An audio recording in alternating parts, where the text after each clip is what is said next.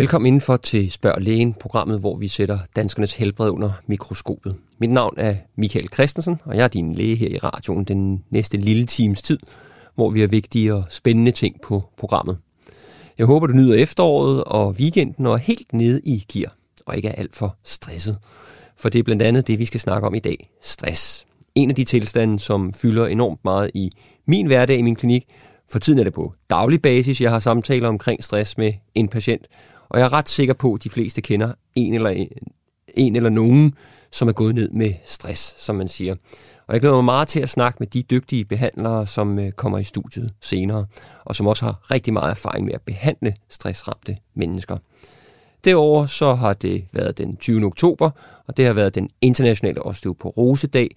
Og selvom efteråret egentlig har budt på masser af flotte efterårsdage med solskin, så er det tid til, i hvert fald ifølge øh, Sundhedsstyrelsen, at tage din D-vitamin. Her i Danmark har vi nemlig nogle retningslinjer, der anbefaler, at alle tager D-vitamin fra oktober til april, og visse særlige grupper anbefales at tage det året rundt. Så tag med, når vi kigger nærmere på D-vitamin og hvad det egentlig betyder for os. Og må ikke også, vi som sædvanligt tager en tur rundt om den åbne konsultation til sidst i programmet, hvor vi kigger nærmere på spørgsmål fra lyttere og patienter. Det er her, du kan komme med dine spørgsmål til sundhed. Det kan både være overordnet set, men også hvis du har et konkret problem, som vi her i programmet skal kigge nærmere på. Du kan skrive ind til os via mail på sl radio 4dk eller indtale din besked på telefonnummer 72 20 0400 så vil min kollega Heidi Hedegaard eller jeg selv forsøge at svare så godt som muligt og måske hjælpe lidt, bare lidt. Og om ikke andet, så kan vi vel alle sammen blive klogere. Først så retter vi lige mikroskopet mod min uge i klinikken og hvad der fylder der. Velkommen til.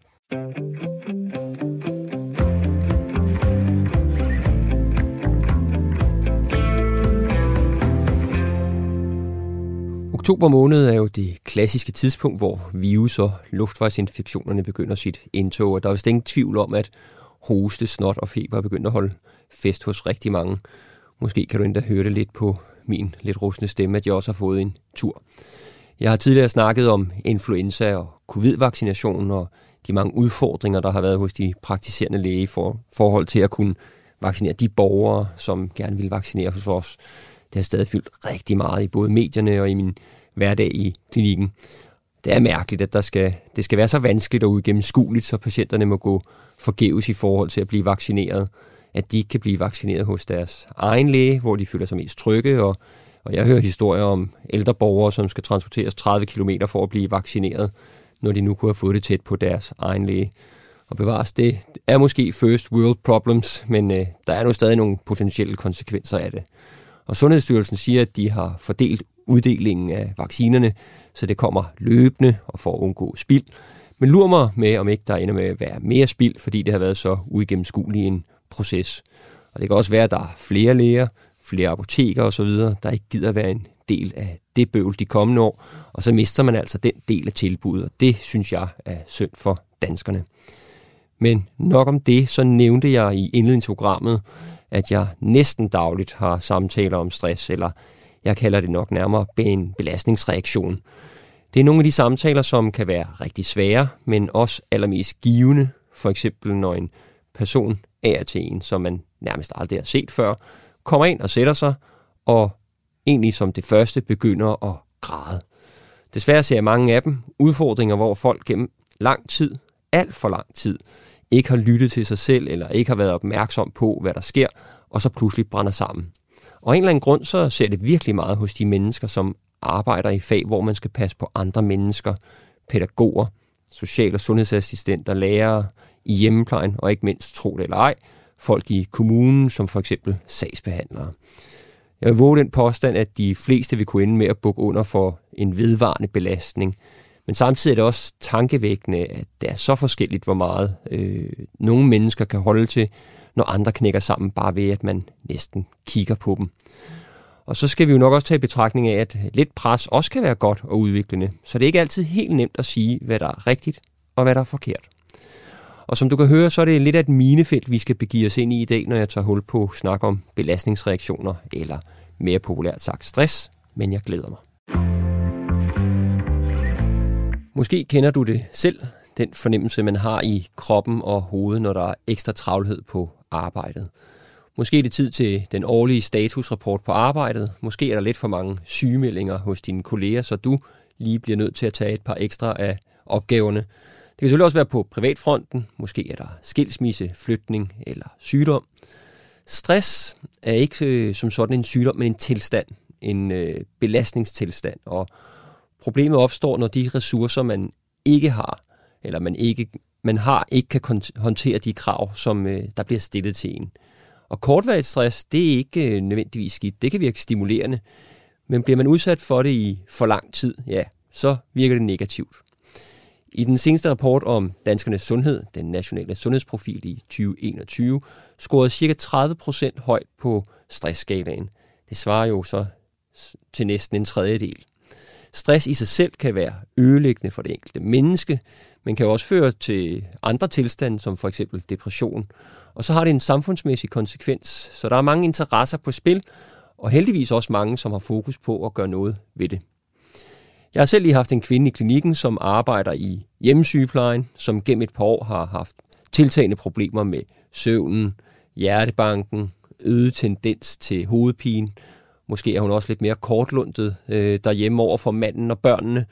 Og på arbejdet var der drøn travlt, og flere af hendes kolleger var enten sygemeldte eller havde skiftet arbejde. Og hun havde ikke rigtig kunne snakke med sin leder om det, og nu sidder hun så hos mig. Hun er blevet sygemeldt kortvarigt, samtidig med, at vi har haft nogle samtaler, og nu starter hun snart igen på jobbet. Først på nedsat tid, og hvor hun endelig har fået en dialog med sin chef.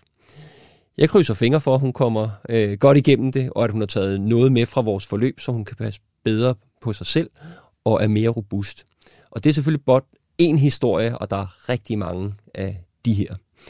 Men hvad betyder det egentlig? Hvad betyder det at have stress? Hvilke konsekvenser har det? Og hvad kan man gøre, hvis man selv eller en, man kender, bliver ramt af det i ødelæggende grad?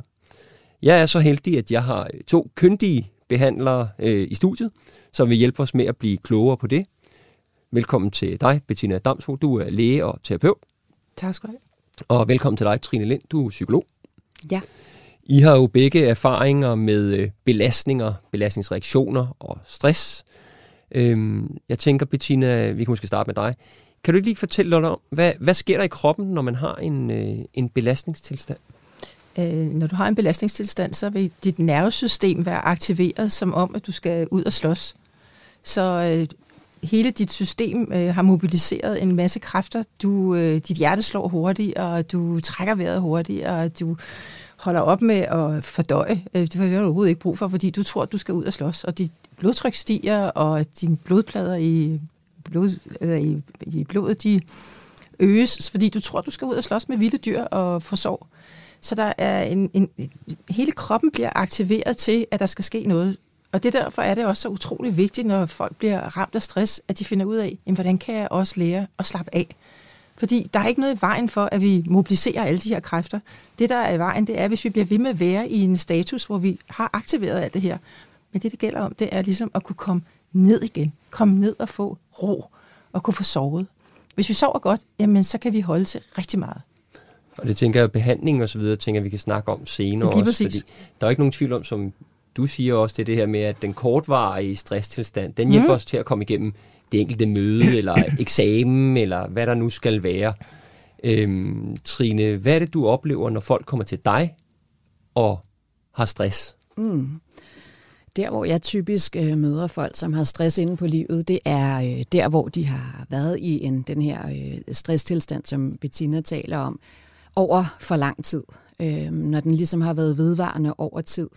Og når det er, at de har overhørt kroppens signaler om netop, at jeg har brug for hvile, eller jeg har brug for pause. Øh, og der har kroppen ligesom ikke øh, andet at gøre, end at tale med højere og højere bogstaver øh, og råbe højere og højere. Og det, som, øh, som vi oplever, det er, at, øh, at folk kommer med, med stressudløste angstsymptomer typisk, eller stressudløst depression, øhm, som, som jeg meget øh, ser som, som kroppens måde, ligesom at trække håndbremsen og sige, prøv at høre, Marker, øh, vi kan ikke regne med hinanden, øh, jeg har prøvet at alarmere dig, og du gør ikke øh, noget ved det, og derfor så bliver jeg nødt til at trække håndbremsen og sige stop for dig. Og det er der, hvor de bliver nødt til at gøre noget ved deres situation.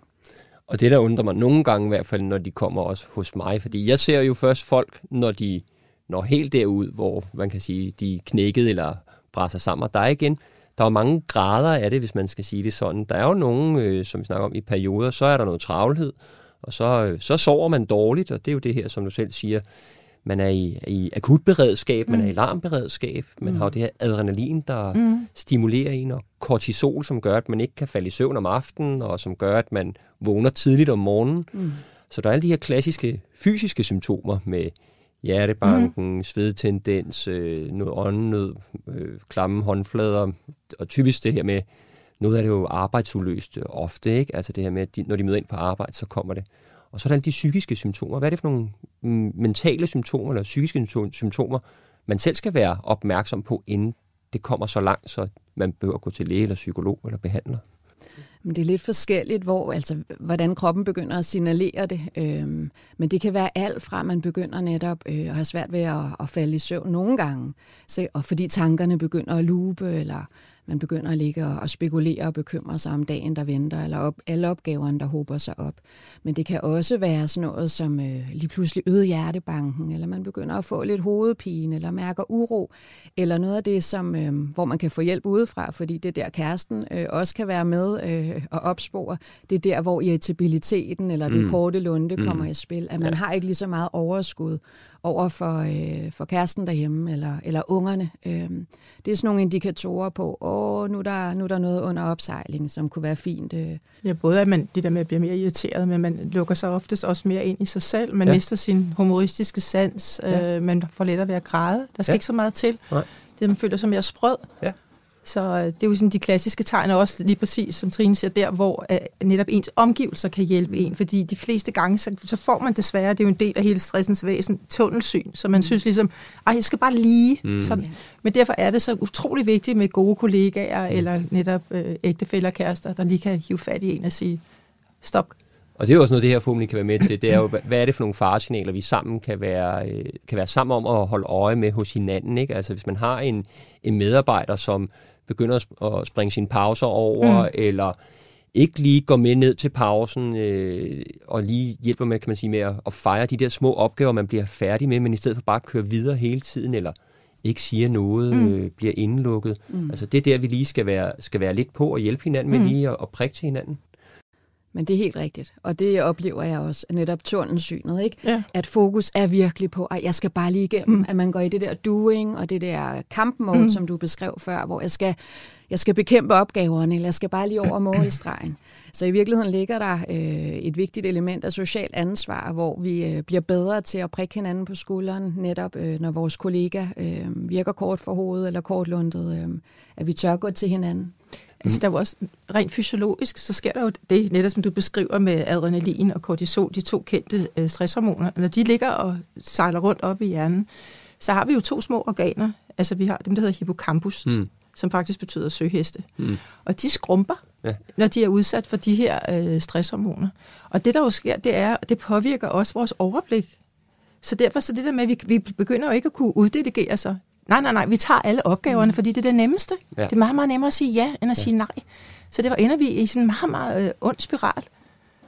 Og hvad, altså, som sagt, jeg tror, jeg ser jo netop folk, når de er helt derude, hvor, hvor nu, nu kan det ikke bære mere. Men hvad er det, der gør, at folk kommer så langt ud? Hvorfor er det, at man ikke mærker noget før? Hvad, hvad er det, der gør, at man kommer helt derud, inden øh, man ligesom reagerer? Mm. Men det er jo nok netop lige præcis, som vi taler om, at du er i det her tunnelsyn. Mm. Altså du ryger ned i mm. det her, og du mister overblikket. Mm. Så bliver du, så, så knæver du dig bare igennem opgaverne, selvom du får det dårligere og dårligere. Altså der skal faktisk rigtig meget til. Ofte skal der netop en anden, en, en leder, en læge, en terapeut, en psykolog, der siger, stop, nu skal du have en sygemelding. Mm. Du bliver simpelthen nødt til at stoppe nu. Mm. Jeg har sådan en, en anekdote, aner ikke, om den er rigtig, men jeg plejer nogle gange at tale med mine klienter om den. Jeg ved ikke, om I har hørt om den der frø, altså hvordan mm. øh, i, i, i kogende vand, mm. ikke? Øhm, og don't try it at home. Men, men øh, tanken går på, at hvis man dumper en, øh, en frø ned i spilkogende vand, øh, der er op på, på 100 grader fra start, så har den ligesom muligheden for at springe springe ud af den her gryde, den oplever varme, og den overlever forhåbentlig. Mm. Men hvis det er, at man plasker frøen ned i noget dejligt lunken vand, og stille og roligt og gradvist skruer op for temperaturen, så opdager den ikke, at øh, hvad den ligesom øh, er i. Mm. Og der, der, der siger øh, historien, at der vil den overopkoge øh, og dø i det.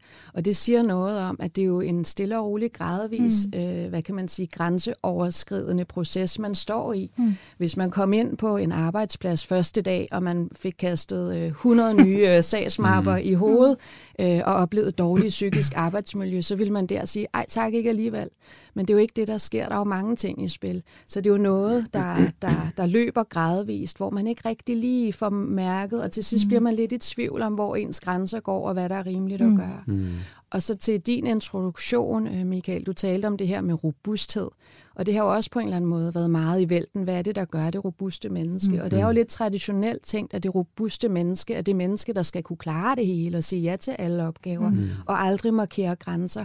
Så jeg tror også, det er det, vi kommer, hvad kan man sige, bliver fanget af. At det er det, vi ligesom identificerer os med, at vi skal mm. være overmennesker, der kan, der kan klare det hele. Mm. Jo, der er en dobbelthed i det for mig egentlig, fordi mm Øh, meget, det her robusthed, det er jo også meget populært. Nu er der jo nedsat en robusthedskommission, yeah. så vi skal sørge for, at vi kan stå imod øh, udfordringer i mm. sundhedsvæsenet.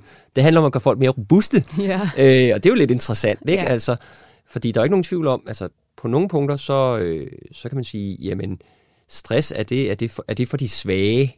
Øh, har, ser I nogle bestemte typer, som, som kommer hos Altså, er det en bestemt type, der bliver ramt hos jer? Hvad ser I? Vi, vi ved, at der er nogle personlighedstyper, og det er jo faktisk dem, som vi ikke kan undvære på mm. en arbejdsplads, og det er jo mm. dem, som virkelig gerne vil ofre sig og gøre noget, ja. og dem, som virkelig sørger for, at tingene er i orden. Ja. Og, og, og det, dem er der jo ingen af os, der vil undvære, for det er jo lige præcis dem, der er med til at holde en helt arbejdsplads mm. sammen. Men, det, men dybest set at kan alle blive ramt af mm. stress. Mm. Ja. Altså, vi har bare forskellige grænser, Præcis. men det afhænger jo rigtig meget af, hvad er det for et liv, vi har levet tidligere også. Det betyder også noget, hvad mm. er det mm. for nogle ting, vi har taget med mm. os. Og jeg mener, om jeg selv stejler meget over ordet robust. Jeg bryder mig ikke særlig meget om det. Øh, fordi det, det giver ikke mening, fordi at selvom vi, vi, har, vi skal alle sammen, vi har alle sammen rigtig meget at kunne give, og, og dybest set som arbejdsgiver, så tror jeg, du vil blive overrasket over, hvor lojal medarbejdere er, og hvor langt de vil gå mm. for at yde en, øh, en, en god uh, indsats. Og de går faktisk helt derud til, at de bliver syge af deres mm. arbejde. Mm. Og jamen, jeg stemmer i, at, at stress er, er en ikke-diskriminerende øh, type. Den øh, kaster sig over hvem som helst. Mm-hmm. øhm, men det er på ingen måde, altså min oplevelse er, det er de såkaldt, hvad kan man sige, svage mm-hmm. eller ikke-robuste mennesker, der bliver ramt. Jeg plejer at tale med mine klienter om, at... Øh, du ved, når vi, når vi kigger på deres belastningskurve over tid, hvor jeg, hvor jeg ofte siger, altså min kurve var knækket øh, mm. for et halvt år eller et år siden, er ofte er det de mennesker, der netop kan sætte barn højt og mm. køre mm. den over tid. Det er dem, der, der kommer til at kæmpe med den, øh, den værst tænkelige øh, stress. Bettina, det handler jo nok også meget om balancen mellem arbejde og privatlivet. Ja, lige præcis som du nævnte til at starte med, så øh, er det lige, altså, kan stress være udløst både fra, fra arbejde og derhjemme. Oftest er det en kombination af begge, fordi du kan faktisk klare et kæmpestort arbejdspres. De fleste af os vil kunne klare rigtig, rigtig stort arbejdspres, hvis der er øh, alt andet øh, i vores liv fungerer. Mm. Så er det sådan set ikke vores arbejde, der, der... Men problemet er, at vi er nødt til at have, at der skal være ro, eller der skal være ro hjemme. Ofte sker der jo det, at så hvis der sker et eller andet derhjemme, så kan vi ikke holde til det på arbejde, og så bliver det faktisk meget tydeligt der, at der er et eller andet, der... Mm. Øh, og så er det faktisk rigtig vigtigt, at folk får bearbejdet de ting, der er derhjemme. Mm. Fordi der kan jo være syge børn. Vi ser desværre øh, oftest... Øh, rigtig dygtige kvinder, som faktisk går ned med stress, fordi at de har et barn, der har en uh, diagnose, og som er udfordret, og det er faktisk i kampen med kommunen, mm. som faktisk mm. er noget af det, som de så pludselig står og mm. har det rigtig svært ved. Men det er jo på deres arbejde, at det bliver meget tydeligt, at de bliver nødt til at sygemelde sig for deres arbejde, gå på deltid, mm. der kan være, mm. og, og bliver ramt af stress der. Men det er rigtigt. Altså, det kræver virkelig, at man har blik for det hele menneske, for ja. at sige det lidt populært. Ja. Altså, det er ligesom, hvor mange øh, bordben er der øh, på det bord, vi sidder omkring. Der er fire. Ja. Og hvis det ene ben, det, der er ligesom, øh, du ved, mm. går et lille hak mm. i det, eller sådan, så kan det måske godt stå lidt endnu. Men, men hvis der er flere af de her øh, bordben, der der ligesom øh, bliver udfordret, ja. så, så bliver det vakkelvognet. Så, så det arbejdsrelateret, det er selvfølgelig et fokus, vi har, ikke? men det er super vigtigt, mm. at man kommer hele vejen rundt og ja. også får, får identificeret øh, nogle af de andre belastningssteder i livet. Og det tænker jeg, det er selvfølgelig vores opgave som behandlere, mm. øh, når vi får folk ind til os, og, og sætte os ned og gennemgå det mm. sammen med folk, og prøve på at gøre folk bevidste om, okay, mm. lad os lige prøve en gang at hvad, har, altså, hvad er det, der sker? Mm. Fordi, som I selv siger, nogle gange så folk ikke, de, de, de har måske ikke helt overblik over hele situationen. Mm. At vi så skal hjælpe med at finde ud af, okay, hvad sker der mm. på hjemmefronten? Mm. Yeah. Hvad sker der ellers? Og, mm. og hvad sker der på arbejde? Ikke? Altså mm. prøv på simpelthen at pensle det helt ud, mm. så man får, får påpeget, okay, mm. der, der er noget af det her, vi skal mm. gribe fat i. Ikke? Mm. Jamen det, det er vores, som behandler, det er vores ansvar, vores opgave, men i virkeligheden så kalder det også på, at, at der er ligesom et felt og et ansvarsområde, som lederne ofte overser. Altså det der med at have trit og, og have hånd i de medarbejdere, man har, og også forstå, altså uden at man behøver at være bondkammerater og, og øh, hvad kan man sige, og, og, og give, hvad kan man sige, alle private informationer hjemmefra. Så det her med at have et tillidsforhold, hvor at at medarbejderne ved, at hvis der er noget, man kæmper med, så er det okay at komme og tale om, mm. fordi at, øh, at det bliver du ikke straffet for, eller det, det er faktisk øh, en del af, af det nye robuste billede, at man mm. tør at være åben og ærlig øh, mm. og løse opgaverne i fællesskab. For det er jo en del af et langt livsforløb, og der mm. er perioder med børn med kolik, eller mm. udredninger, eller et nyt hus med skimmelsvamp, eller øh, sygdom i familien, eller hvad på skilsmisser, og hvad, hvad det ellers kan være. Ja, jeg tror også, de dygtige ledere, de forstår, at de får simpelthen så meget bedre en medarbejder ud af at være med, og gå og spille med i at skabe den balance. Er der ikke nogen tvivl om, også, som jeg ser, at altså ledelse er sindssygt vigtigt, ja. og at have en god leder er jo ja. næsten afgørende, ja. ikke? Altså, ja. Men man må også være ærlig at sige, i mange organisationer, så er lederen selv under ja. et kæmpe, kæmpe pres. Mm-hmm. Og, og så på den måde, så, så kan man sige, så er det jo en samfundsmæssig ting, det er jo en, en organisatorisk ting, lige så meget med, hvordan rummer mm. vi at, at give plads til, at, at man lytter til hinanden, eller at der er plads til, at man kan få snakket om det, eller at der lige er respekt for, okay, jeg kan se, hvor du er, nu har du øh, den her udfordring på hjemmefronten, hvordan kan vi lige imødekomme dig?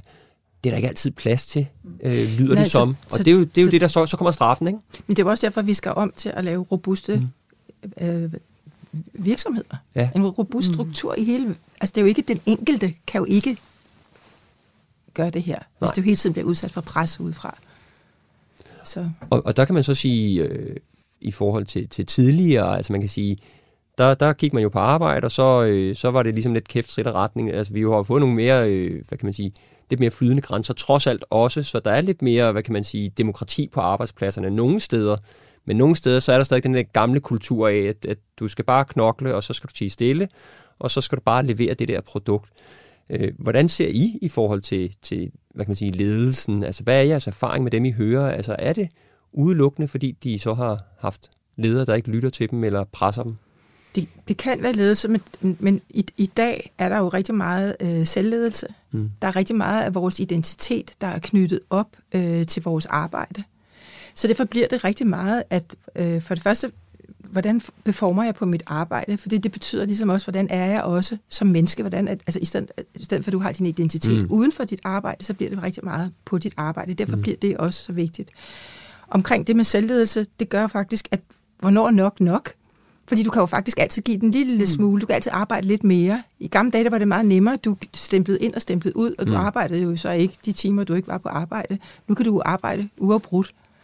Så derfor så kræver det faktisk meget mere ledelse af selvledende medarbejdere, fordi mm. dem skal du kunne ligesom mm. sige, hvornår nok nok. Og meget dygtige mennesker, de vil jo altid føle, at der er altid noget nyt, jeg kan tage med ind, der er noget mm. mere, og der jeg kan gøre. Mm. Så det er faktisk en, også igen en ond spiral, hvis mm. ikke der er nogen, der ligesom sætter nogle grænser. Så grænsesætning er Super mega vigtigt. Mm. Og det er rigtigt, for de er flydende, og i ja. dag, hvor så har man arbejdscomputeren med hjem, mm. og man har sin arbejdstelefon med, mm. så der er ikke noget i de ydre rammer, der definerer, at nu går jeg ligesom fra den ene setting mm. eller den ene mm. scene til den anden. Mm. Øhm, så, så enig, altså der, der er virkelig øh, behov for tydelighed der. Mm. Mm. Lad os prøve at springe øh, lidt over til, at nu, øh, nu nævnte jeg for eksempel en, en historie her i, i min indledning. Øh, hvad gør I hvis der sidder en patient hos dig? Altså, historien er selvfølgelig individuel, mm. men hvis du har en, der er gået ned med, skal vi kalde det arbejdsrelateret belastningsreaktioner, altså stress på grund af overbelastning på arbejdet. Hvad Jamen, gør du, når, når folk kommer til dig første gang? jeg første omgang, så er jeg har jo den luksus, at jeg får hele historien. Mm. Både er det for et liv, de har levet tidligere og sådan noget, for så kan danne mig et billede, og de mm. kan også selv pludselig måske se mønstre mm. i deres liv. Nu tror jeg, du nævnte, nævnte var det en hjemmehjælper eller et eller andet? Ja, hjemmesygepleje. Hjemmesygepleje. Øh, og mange de er jo, for det første, er der, når, når jeg hører ordet sygeplejerske, så tænker jeg jo også en særlig personlighedsstruktur, og så ved jeg, at de ting, de er underlagt, at mange af dem er underlagt det, som vi i dag vil kalde for moralsk stress. Sig lige, hvad det er for en person, hvad, hvad det er for en Jamen, person, det er jo en på. klassisk redder. ja, ikke? Jeg sidder selv her som læge, og ja. har en psykolog her, så og du er selv ja, læge. vi sidder, vi sidder her, vi vil rigtig, hjælpe folk, ja, ikke? vi vil rigtig gerne hjælpe folk, og det betyder rigtig meget for mm. os. en måde også, vi får anerkendelse på, at vi føler ligesom, vi har en mission i livet. Mm. Og så det her med at opleve under, og, og, at skulle arbejde under meget strenge øh, tidskrav, for eksempel, at du kan ikke nå tingene, øh, så føler du, at du ikke gør dit arbejde godt nok, og så ender du op i det, som vi kalder for moralsk stress, at du står i en situation, at du vil så gerne gøre noget mere, og det har, kan du, har du ikke øh, mulighed for. Så du føler, at du ikke er god nok, du gør det ikke godt nok, så det er jo noget med at få skilt tingene ad os i den her sammenhæng, og få talt med, men du gør du så godt du kan, og, og, og oftest også at få dem til at mærke, at der faktisk er noget modstand i dem. Og den, oftest ved den der vrede eller modstand, kan ender sig i noget depressivt, eller mm. kedattighed. Mm. I stedet for at prøve at få fat i, jamen jeg vil ikke finde mig i det her. Altså få, få deres egen indre styrke mm. frem. Mm. Det betyder jo ikke, at det er jo ikke det første, du kan i den allerførste konsultation. Det, det gælder om, det at få noget ro på, så mm. man begynder at kunne mærke, hvordan har jeg det i virkeligheden. Mm. Og hos os, der arbejder vi jo både med samtaler, men vi arbejder også med kropsbevidsthedstræning og mindfulness meditation, fordi det er så vigtigt det der med at få kroppen med også, mm. fordi som vi Trine også netop, det, det er kroppen også, der, der hjælper dig jo med at sige fra. Så, så det, din øh, patient har jo højst sandsynligt mærker jo rigtig meget fysisk. Mm. Og det er det, der ligesom mm. stopper hende, ikke? Mm. Trine, hvad, gør, hvad, hvad snakker du om? I, ja. Jamen, øh, jeg giver mig også tid til den udredende samtale for mm. at få et, øh, et fuldt billede af, hvem jeg sidder over for, hvad historien er. Øh, og så plejer jeg at skelne mellem, øh, hvad er de ydre stressorer øh, kontra de det, jeg kalder de indre stressorer. Og stressorer, det er jo så de ting, der stresser en, hvis ja, man skal sige det sådan. det kan ja. man sige. Hvad er det, der ligesom holder den her belastningskurve op mm. over tid? Mm. Øhm, og de ydre stressorer, det er netop det, er det vigtige at få, at få øje for først. Altså det kan være det dårlige, dårlige psykiske arbejdsmiljø, den dårlige ledelse, manglende indflydelse, deadline, som er umulige at nå, øh, for stor arbejdsbyrde, øh, IT-system, alt, alle de der mm. sådan ting, der, mm. der ligger i den ydre verden. Øhm, og, det, og der er mit fokus først, er der noget af det, vi kan støtte og hjælpe med at nedbringe. Mm. Det her det kommer ligesom øh, sammen med, med det psykoedukative, som handler om, at klienten skal lære noget omkring det at have stress. Så mm. vi taler om det autonome nervesystem, mm. og netop som jeg talte om før, taler øh, med klienten om, har der været advarselstegn og indikatorer løbende på, at, at, at den ligesom den her belastningskurve er bygget op mm. over tid. Øhm, og når det er, at vi har prøvet at stabilisere og fundet nogle løsninger på at nedbringe de ydre stressorer, og det er der, hvor man drømmer om, at der er en god øh, øh, chef eller leder mm. med, som kan indgå i et samarbejde, øh, der priser man sig lykkelig, fordi der er rigtig meget håb øh, for, mm. at, at det kan ende rigtig lykkeligt øh, for den her klient på mm. den her arbejdsplads. Mm.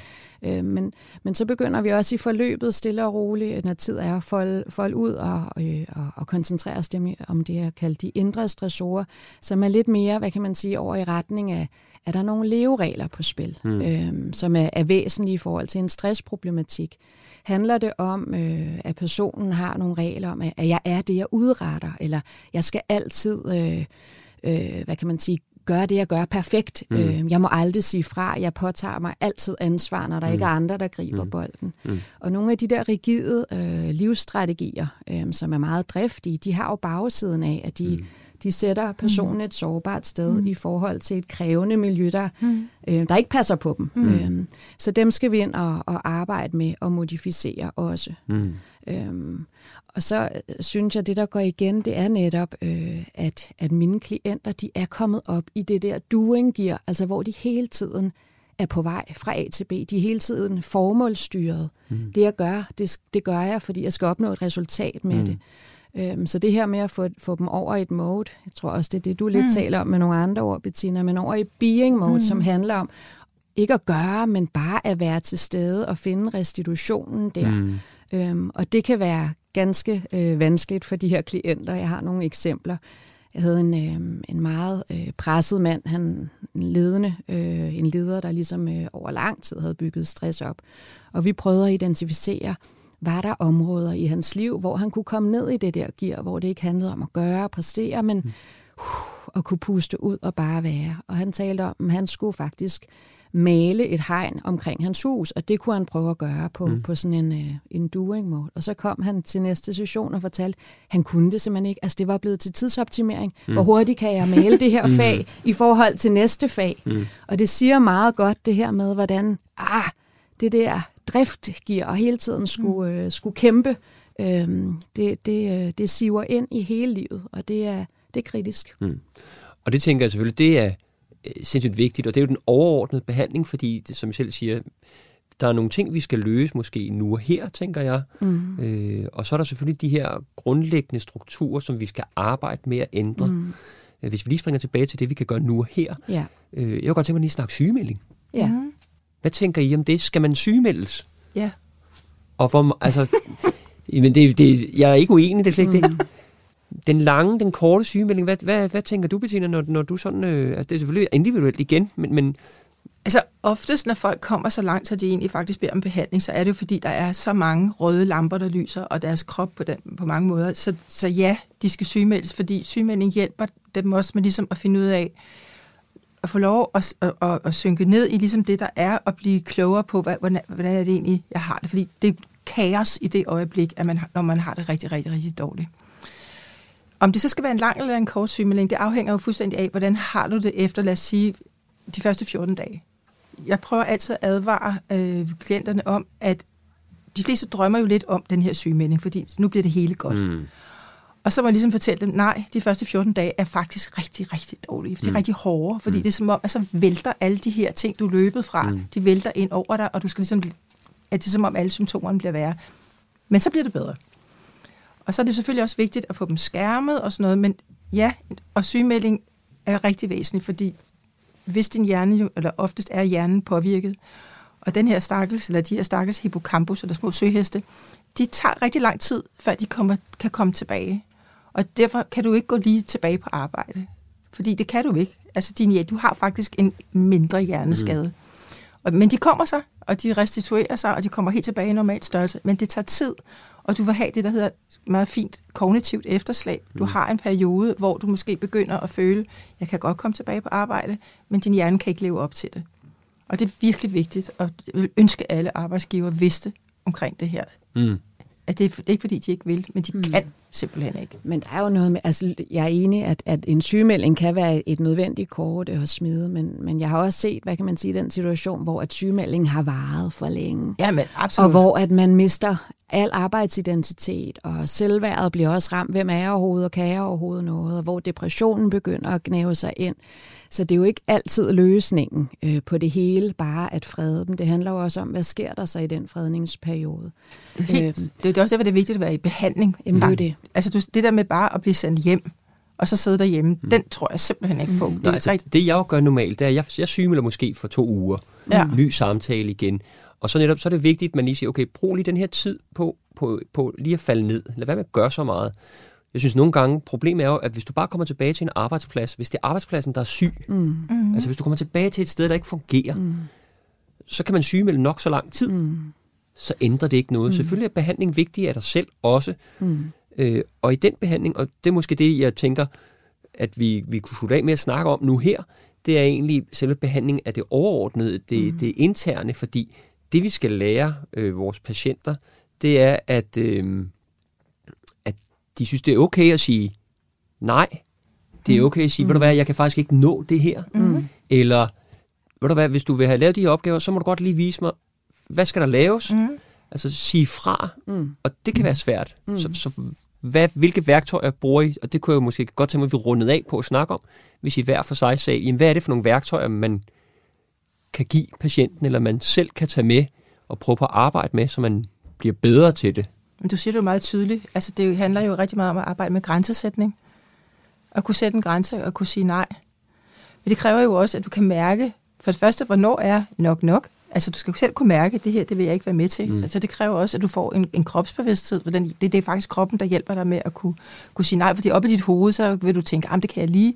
Så du skal arbejde med, altså man kunne mærke, og du skal kunne, kunne mærke, at du har følelserne og styrken til at kunne sige nej. Mm. Det er jo nemt nok at sige, at du skal bare sige nej. Ja. Jamen, det er jo lige præcis en af årsagerne til, at du er endt måske i den situation, det er, det er så svært at sige nej. Så du skal kunne have den her øh, oplevelse af, at jeg kan, jeg kan sige fra. Og som du siger, det gælder det jo rigtig meget om, at jamen, så må du have en leder, der kan hjælpe dig med at prioritere. Men det skal heller ikke siges andet end, at vi har jo trods alt, at der er jo rigtig mange, der så finder ud af, at det her job er måske slet ikke for mig, mm. fordi det er et usundt sted. Ja. Jeg har brug for at skulle et andet sted hen, og jeg, jeg er mere værd. Jeg skal ikke finde mig i det her. Livet er for kort ja. til at mm. være et sted, ja, hvor øh, man, man ender med at blive sådan. Mm. Hvad siger du sådan? Jamen, øh, jeg opererer lidt med en forståelse af sådan en, nogle kontrolcirkler, hvis I kender dem. Mm. Altså det her med, der, der er en kontrolcirkel, som handler om, hvad kan jeg gøre? Det vi selv har egen bestemmelse, øh, autonomi i forhold til. Der er noget, vi kan skrue på og gøre. Mm. Og det synes jeg ofte skal afprøves også med den stressramte. Så det her med, at at prøve, altså er, er der medhør i forhold til, at jeg begynder at sige fra, forstår min chef, så han skal begynde at passe på mig. Der er nogle ting i det. Mm. Når vi ligesom har arbejdet med det, kontrolcirklen, øh, som vi har selvbestemmelse i forhold til, så efterlader det en cirkel, som, hvor kontrollen ligger uden, hvad kan man sige, for vores råderum. Og det er netop den kultur, vi er del af, eller det lederskab, vi er sat i, eller noget andet. Og der kan man sige, at det skaber rigtig meget stress at prøve at lave forandring i noget, man aldrig kommer til at kunne forandre mm. anyways. Det er mm. lidt ligesom at stå og slå ind i en pude. Mm. Øhm. Ja, jeg bruger udtrykket med, at det der med at være i et brændende hus. Jamen, det er det. Altså, det, er det. Hvis du løber tilbage i et brændende hus. Ja. Altså, det... Så ofte så kommer, øh, hvad kan man sige, samtalen over i, hvad, hvad har vi af handlemulighed ude i den der mm. cirkel, hvor vi ikke har kontrol. Men den kan vi, vi kan enten acceptere det, eller vi kan forlade. Ja. Øhm, så det hænder også, at jeg at jeg hjælper mine klienter øh, til at nå frem til en erkendelse af, at, øh, at det brændende hus, det, det er ikke noget for mig, mm. eller det er ikke et mhm. sted, jeg har lyst til at, at løbe tilbage i. Øhm, og det handler ikke om, at jeg skal finde alle mulige iltmasker, at jeg sådan kan beskytte mm. mig. Der er simpelthen noget i strukturen, øhm, mm. som ikke passer til mig. Og så skal man videre. Og jeg tænker faktisk, at det øh, med de ord, så lukker vi debatten her. Det var mega spændende, og man kunne blive ved med at snakke rigtig meget om ja. det faktisk. Ja. Øh, tak til psykolog Trine Lind og til læge og terapeut Bettina Damsbo for at være med til at sætte fokus på, øh, på stress og belastningsreaktioner, og hvordan vi sammen kan være opmærksomme på, øh, på tilstanden, og også hvad vi kan gøre ved den. Øh, og det er jo rigtig, noget, der fylder rigtig meget i det danske samfund, ja. så forhåbentlig så kan vi gøre lidt ved det. Nu skifter vi til gengæld spor med efterårets komme og med udsigten til meget mindre sol, desværre. Så er det tid til, at vi skal snakke om D-vitamin.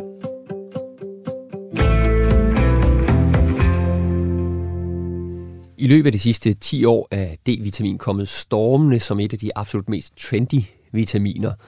Både i forhold til, at patienterne kommer at være målt i en blodprøve, men også fordi alle mulige forskere lige pludselig begyndte at forske i D-vitamin og fandt sammenhæng med alle mulige sygdomme.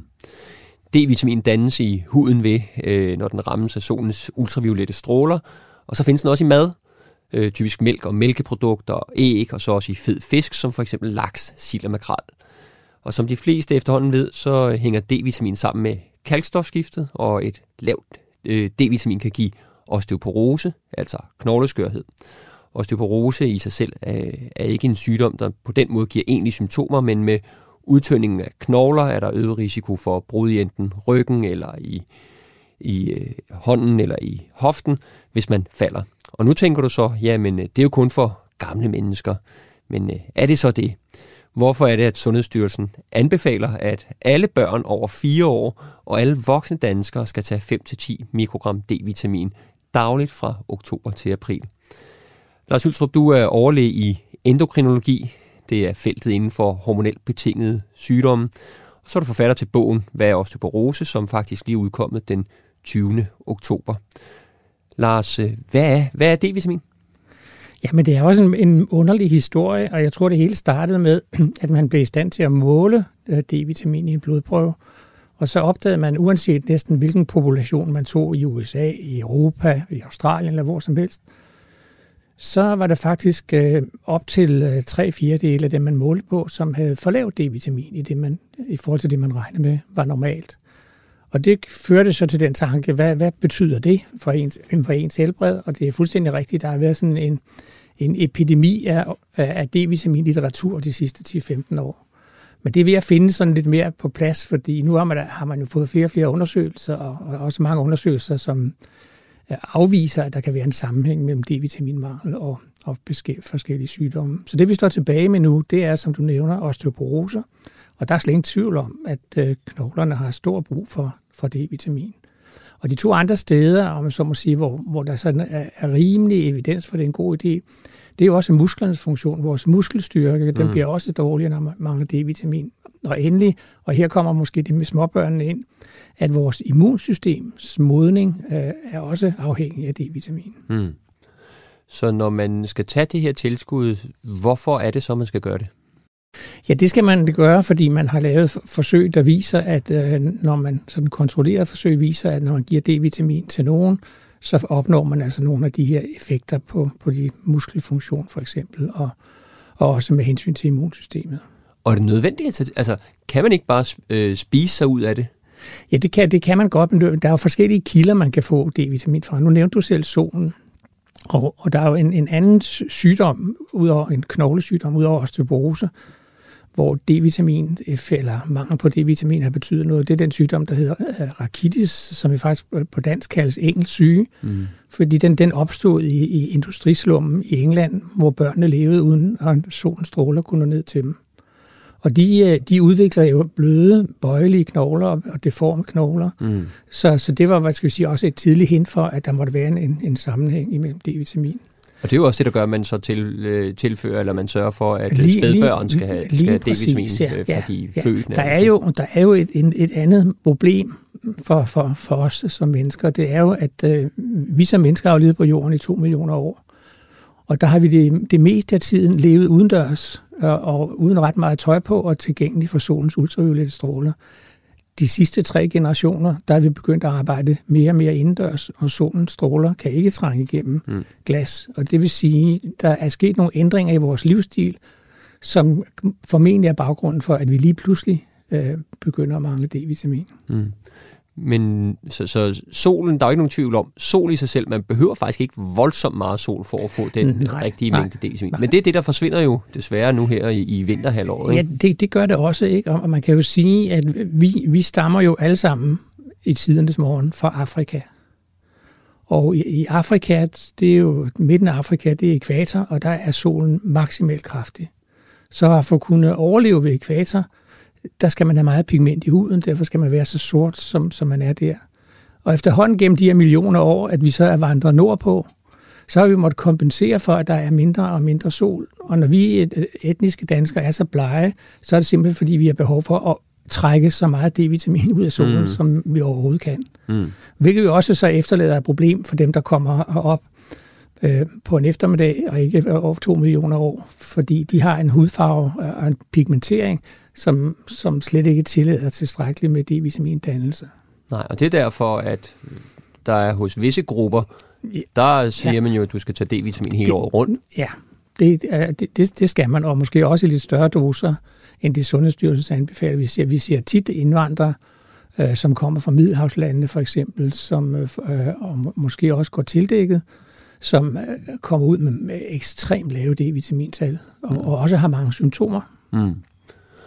Og hvor meget er det egentlig, vi skal... Hvor meget skal man tage?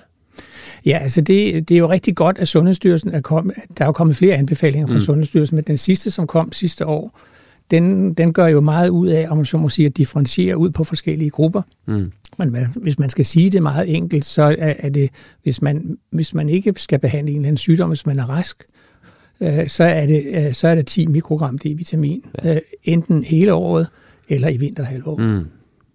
Tager du det selv? Selvfølgelig. Selvfølgelig gør det. Hvordan er det i forhold til, øh, nu snakker vi omkring det her med, kan man få for meget D-vitamin? Ja, det er klart, det, det, det spørgsmål dukker op, og der er lavet mange undersøgelser af, hvor meget, hvor meget der, man så må sige, er for meget. Og øh, med den grænse, man hidtil har anvendt tidligere, hvor man sagde, at man, man kan tillade, at man har D-vitamintal i sit blodprøve op på 250. Det er ud fra den beregning, at den den toksiske grænse er 750, og så har man divideret med 3 for at have det som sikkerhedsmarken. Mm. Men der er, meget, der er meget højt til loftet, mm. når det drejer sig om D-vitamin. Mm. Og øh, hvis vi nu skal kigge på, hvis nu man ikke tager det her D-vitamin i øvrigt, altså nu nævnte du selv, der er noget muskelmæssigt og sådan nogle ting. Kan man sige noget om, hvad er symptomerne, hvis man ikke har nok D-vitamin? Ja, altså hvis du virkelig mangler D-vitamin, så er det muskeltræthed, kraftesløshed og muskelsmerter. Og i det hele taget bare overordnet træthed? Ja, det er det. Ja. Skal, skal man så gå til sin læge og, og få målt det der D-vitamin? Ja, det er jo et godt spørgsmål, fordi, og det var det, der også førte til en helt ballade for cirka 10 år siden, ikke? at det pludselig gik op for, for, for hvad skal vi sige, laboratorierne, der bestilt utrolig mange D-vitaminanalyser. Og det er heller ikke nødvendigt. Hvis, hvis man ikke fejler noget, og ikke har nogen symptomer, så skal man bare holde sig til Sundhedsstyrelsens anbefaler, altså de 10 mikrogram, enten hele året, eller i hvert fald i vinterhalvåret, og så behøver man ikke få målt noget som helst. Altså jeg kan afsløre, øh, der, der hvor jeg arbejder i det område, der er der blevet sendt brev ud nu fra den lokale øh, biokemiske, altså blodprøveafdeling, der siger, hvad der hvad, vi laver alt for mange af de der øh, undersøgelser. Og det er fordi folk kommer og gerne vil have det undersøgt. Og jeg snakker jo tit med folk om, jamen prøv at, altså, vi, vi kan ikke lave de undersøgelser, vi skal ikke lave de undersøgelser. Hvis ikke du tager det D-vitamin-tilskud, så må du godt prøve det først jo, og, og så se, altså, fordi ja. mange gange så tager folk det jo ikke i forvejen, hvis man skal sige det sådan. Det må være ærligt sige. Jeg ved ikke, om du har et overblik over, hvor mange der egentlig gør det. Nej, det, ved, det, ved jeg, det ved jeg ikke så meget om, fordi jeg ser jo kun dem, der så sige, bliver henvist, fordi de fejler noget, ikke? Mm. eller muligvis fejler noget. Men, men, det, men det er helt klart, at øh, der er øh, hvad skal vi sige, meget forskellige opfattelser i befolkningen af, hvornår man skal have mål til D-vitamin og tal. Og, og, og det er jo det der med, vi bliver måske også mere og mere pyldret, at det bliver sådan bare for en sikkerheds skyld, så må vi nok måle det. Ikke? Men mm. det, det er meget lidt sandsynligt, at man finder noget, med mindre det er mørkløde indvandrere eller tildækkede indvandringer eller andre øh, specielle risikogrupper. Men det skal også være klart, at der er en risikofaktor, som vi slet ikke har talt om endnu, og det er alderen. Fordi mm. når, man, når man bliver tilstrækkeligt gammel, øh, og tilstrækkeligt gammel, det er over 65, så, øh, så bliver øh, vi faktisk dårligere til at danne D-vitamin i huden. Det vil mm. sige, hvis vi, hvis vi udsættes for den samme mængde ultraviolet bestråling, så danner vi ikke nær så meget D-vitamin, som en, for eksempel en 20-årig gør. Ja.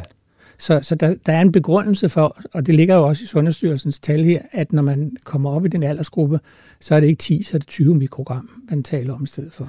Ja, og så er det måske også fordi, altså, der bliver det selvfølgelig ekstra vigtigt, at hvad skal man sige, muskler og, øh, fungerer optimalt, men det er selvfølgelig også fordi, at jo ældre vi bliver, jo større risiko bliver der så også for, for osteoporose, altså knogleskørhed. Ja, ja, ikke? og præcis det der, altså osteoporose har jo i princippet kun et eneste symptom, det er, at man brækker noget. Mm. Og, øh, og vi ved altså, man, hvis man får en dårligere balance, og det gør man jo, hvis musklerne ikke fungerer så godt, så øger man også sin risiko for at falde. Så det er ikke bare et spørgsmål om noget, der sker inde i knoglerne, det er også et spørgsmål om, hvordan man bliver i stand til at håndtere mindre traumer, mm. når man bliver ældre. Hvis nu man er sådan en, der, der hører det her program og tænker, okay, jeg har ikke taget, taget D-vitamin, altså hvordan vil du anbefale, at man ligesom kommer i gang med at, at, at få, få gjort det til, til noget, man gør? Ja, jeg vil sige det på den måde, at øh, for nogle år siden, der var jo øh, ernæringsmyndighederne, de sagde jo, at øh, man behøver ikke at spise vitamintilskud. Hvis man spiser en almindelig, sund, altid dansk kost, så får man dækket øh, sine vitaminbehov. Komma, dog ikke for D-vitamin. Mm. Så man har erkendt længe, at øh, man kan ikke, selvom man spiser en lødig kost, dække sit D-vitaminbehov. Og det vil sige, at jo, jo ældre man er, jo, jo mere påtrængende er det jo, altså man supplerer med noget D-vitamin. Men man skal også gøre sig klart, at det, det, er, jo ikke, det er jo ikke en 14-dages kur. Altså det er noget, man skal fortsætte med. Ja. Ellers så ryger D-vitamin jo ned igen. Ja, det vil, men, men det er nok også på nogle punkter, er det jo det her med øh, nogle af de her tilskud, det, det er noget, når, når man ikke kan mærke nogen effekt af det, når det er forebyggende, så er det ikke altid lige så øh, sexet eller spændende at blive ved med at spise. Så sidder den ikke lige så fast på, på Nej, så, nej, så det skal, det skal bygges ind som en eller anden rutine. Og nu, nu, har vi, nu har vi snakket lidt om solen, og vi, øh, men man har jo andre kilder til D-vitamin. Der er jo de fede fisk, for eksempel, mm. som er en rigtig god ting at spise. Og så er der, kan man jo tage det som et, et tilskud også, hvis man, øh, hvis man ikke kan dække det på, på anden vis. Men nu snakker vi om det helt til at altså, kan man med kosten her i vinterhalvmåneden, kan man, kan man spise sig til, at man ikke behøver at tage tilskud? Ja, det vil man godt kunne, men, men, men så, er det, så er det fisk øh, morgen, middag og aften. Så er vi ude i noget, som er, hvad skal vi sige, ikke er populært af andre årsager, ja. fordi det kommer til at hænge en ud af halsen. Ikke? Mm. Men, men, det, men det er rigtigt, og det er jo specielt, det, det er specielt sild og makrel, der er godt. Tidligere mm. der medregnede vi også laks, mm. men nu får vi jo ikke vildlaks mere. De der laks, vi får nu, de er opvokset i nogle store havbuer og fodret med kunstfoder, mm. så der er ikke ret meget D-vitamin i dem. Okay. Så, så råd, råd vil være skru, skru ned på laksen og mere, mere, sild og makrel, hvis det skal være, ja. så de her mælkeprodukter. Ja, og så, og så ellers så må, man, så må man jo supplere med et, et kosttilskud. Mm. Og der, der er en ting, jeg rigtig gerne vil sige. Nu ser jeg jo mange patienter, og de kommer, og en af de ting, jeg så spørger dem om, det er, at siger, tager du, tager du D-vitamin? Og så siger de, ja, det gør jeg. Og så spørger jeg så, hvor meget får du? Og så går der sådan en skærm ned for ansigtet, fordi det ved de ikke. Nej. Og det hænger jo sammen med, at når, når du kigger på, når du går ind i supermarkedet, ikke, så er der jo 20 forskellige D-vitaminpræparater, og der er meget stor forskel på, hvor mm. meget D-vitamin. Der er nogen med 5 mikrogram, mm. der er nogen med 50 mikrogram, og det er ja. jo ikke ligegyldigt. Nej. Så, så fordi, jeg siger til patienten, køb endelig det billigste præparat, du kan få, men man må lige, man må lige vende den om og se, hvor, hvor meget D-vitamin er der rent faktisk ja. i. Ikke? Og det, det er der mange, der ikke er klar over. Så øh, man kan sige, øh, opfordringen herfra vil være også til at gå ind på Sundhedsstyrelsens hjemmeside, øh, kigge på retningslinjerne, hvor meget skal du tage, hvilken dosis har du brug for, ja. alt efter hvordan du er her, øh, ja. hvor du er henne. Og så kan jeg i hvert fald høre, ja. øh, Lars, at du, du anbefaler selvfølgelig, at alle... Ja, det gør jeg, og jeg, jeg vil godt også lige nævne her, at Sundhedsstyrelsen skriver jo decideret i den samme anbefaling, at hvis man har osteoporose, så skal man have målt sit D-vitamintal. Mm. Og så skal, skal man faktisk ligge imellem 80 og 150 i mm. den blodprøve. Mm. Så det er også, hvad Sundhedsstyrelsen skriver. Så i de øjeblik, man om man så må sige, fejler et eller andet, så er der om man så må sige, andre spilleregler, der gælder, og specielt for osteoporose. Præcis. Der er skærpede spilleregler for dem med osteoporose, men for os andre, så er det i hvert fald råd, at øh, nu her i oktober til april, så er det 5-10 øh, mikrogram for os, der er over, over fire år, børn, børn og voksne. ja, ja, ja. Øhm, tak til Lars øh, Hylstrup, øh, overlæge i endkroni fra øh, Hvidovre Hospital, forfatter og vores øh, D-vitamin-ekspert for at være med. Nu er det til gengæld tid til at dreje fokus ind på spørgsmål fra nær og fjern om stort og småt. Ja, for nu er det tid til at kigge på, hvad vi har fået af undrende kommentarer og spørgsmål fra lyttere og patienter. Vi åbner døren til den åbne konsultation, og du kan også være med. Skriv til os på slsnabelagradio4.dk eller læg din besked på vores telefonsvarer på telefon 72 20 0400, hvad enten det handler om din egne skavanker, naboens hårtab eller et eller andet overordnet emne, som optager dig. Der er ikke nogen grænser. Så vi bestræber os på at få det med i programmet, så vi alle sammen kan dele det og blive lidt klogere og måske lidt sundere sammen. I denne tid har jeg fået et meget relevant spørgsmål, om det er rigtigt, man bliver forkølet af at blive kold. Altså kulden i sig selv giver jo ikke forkølelse. Det kræver, at man udsættes for et virus. Men hvis man er kold, så trækkes blodet ind i kernen af kroppen, og det kan efterlade for eksempel slimhinden i næsen lidt mere sårbar over for virus, og dermed så kan man sige, så øger kulden risiko for en virusinfektion. Der blev faktisk lavet et studie i 2005 i Wales, hvor man så, at forsøgspersoner, der havde haft nedkølede fødder, havde cirka 10% flere symptomer på forkølelse end dem, der ikke havde. Og det kan også overføres øh, til at gå ud i vinterkulden med for eksempel vådt hår. Det vil medføre fordampning og afkøling af dit hoved, og så har man igen den der let øgede risiko, som dog er svært at sige noget mere præcist om. Så ja, irriterende nok, så havde din mor vist nok lidt ret, når hun sagde til dig, at du skulle tage varmere tøj på, eller så vil du blive syg. At kulde også spiller ind på den øgede tendens til forkølelse skyldes selvfølgelig også, at man har en tendens til at samles mere indenfor og er tættere på hinanden, når det er koldt udenfor. Og så dermed er der også større øh, risiko for spredning af virus. Jeg har på det seneste også oplevet at få spørgsmål om skægpest, altså infektion i hårsækkene. Det stammer jo fra en mands skæg, og at det kunne opstå, der kunne opstå infektion efter barbering, nogle gange med en lille smule rødme og irritation, men også nogle gange med sådan nogle grimme sår og bylder. Og i takt med, at der er mere fokus på intimbarbering, ser vi det nu også i armhuler og ved kønsdelene. Så what to do? Øh, når du barberer dig, opstår der bitte små rifter i huden, som kan være sådan en indgangsport for bakterierne. Og der kan opstå sådan en irritation, som typisk forværres i områder, hvor det gnider mod øh, tøjet. Og det kan også ske, hvis man bruger uren håndklæder, for eksempel. Du kan minimere risikoen ved at sørge for, at det, du barberer dig med, er rent og skarpt. Brug ikke andres, og lån ikke øh, din egen øh, skraber ud. Man kan eventuelt desinficere skraberen med kogende vand eller sprit. Skift hyppigt barberblad, sådan et sløvt barberblad laver flere risser. Vask og rens huden, inden du barberer dig. Brug barberskum, det mindsker risikoen for småsår og rifter. Og så fjern hårene i samme retning, som de vokser i. Efter barberingen, så brug koldt vand til at lukke porerne i huden, eller eventuelt sprit. Så får du også en, en lækker svine fornemmelse bagefter. Brug en øh, lotion til at holde huden lidt fugtig, det mindsker irritationen. Skulle der komme rødme, hævelse, gullige prikker eller andre tegn til betændelse, så er det tid til at kontakte lægen. Hvis man har været uheldig, kan det være nødvendigt at give området ro i en periode og lade det gro. Men man kan så bruge en trimmer eller elektrisk barbermaskine, som ikke vil give samme irritation og påvirkning af huden. Det var, hvad vi kunne nå at få med i dagens program. Jeg håber ikke, du har fået en belastningsreaktion af programmet, men i stedet blev klogere på, hvordan du kan håndtere, hvis du selv eller en pårørende begynder at vise tegn på stress. Og så fik vi nogle gode input fra overlæge Lars Hylstrup til, hvorfor man bør sørge for at få sin daglige dosis af D-vitamin, særligt her i vinterhalvåret. Nyd resten af lørdagen og lyt med næste lørdag kl. 13.05, når Heidi Hedegaard eller jeg er tilbage på Radio 4 med Spørglægen.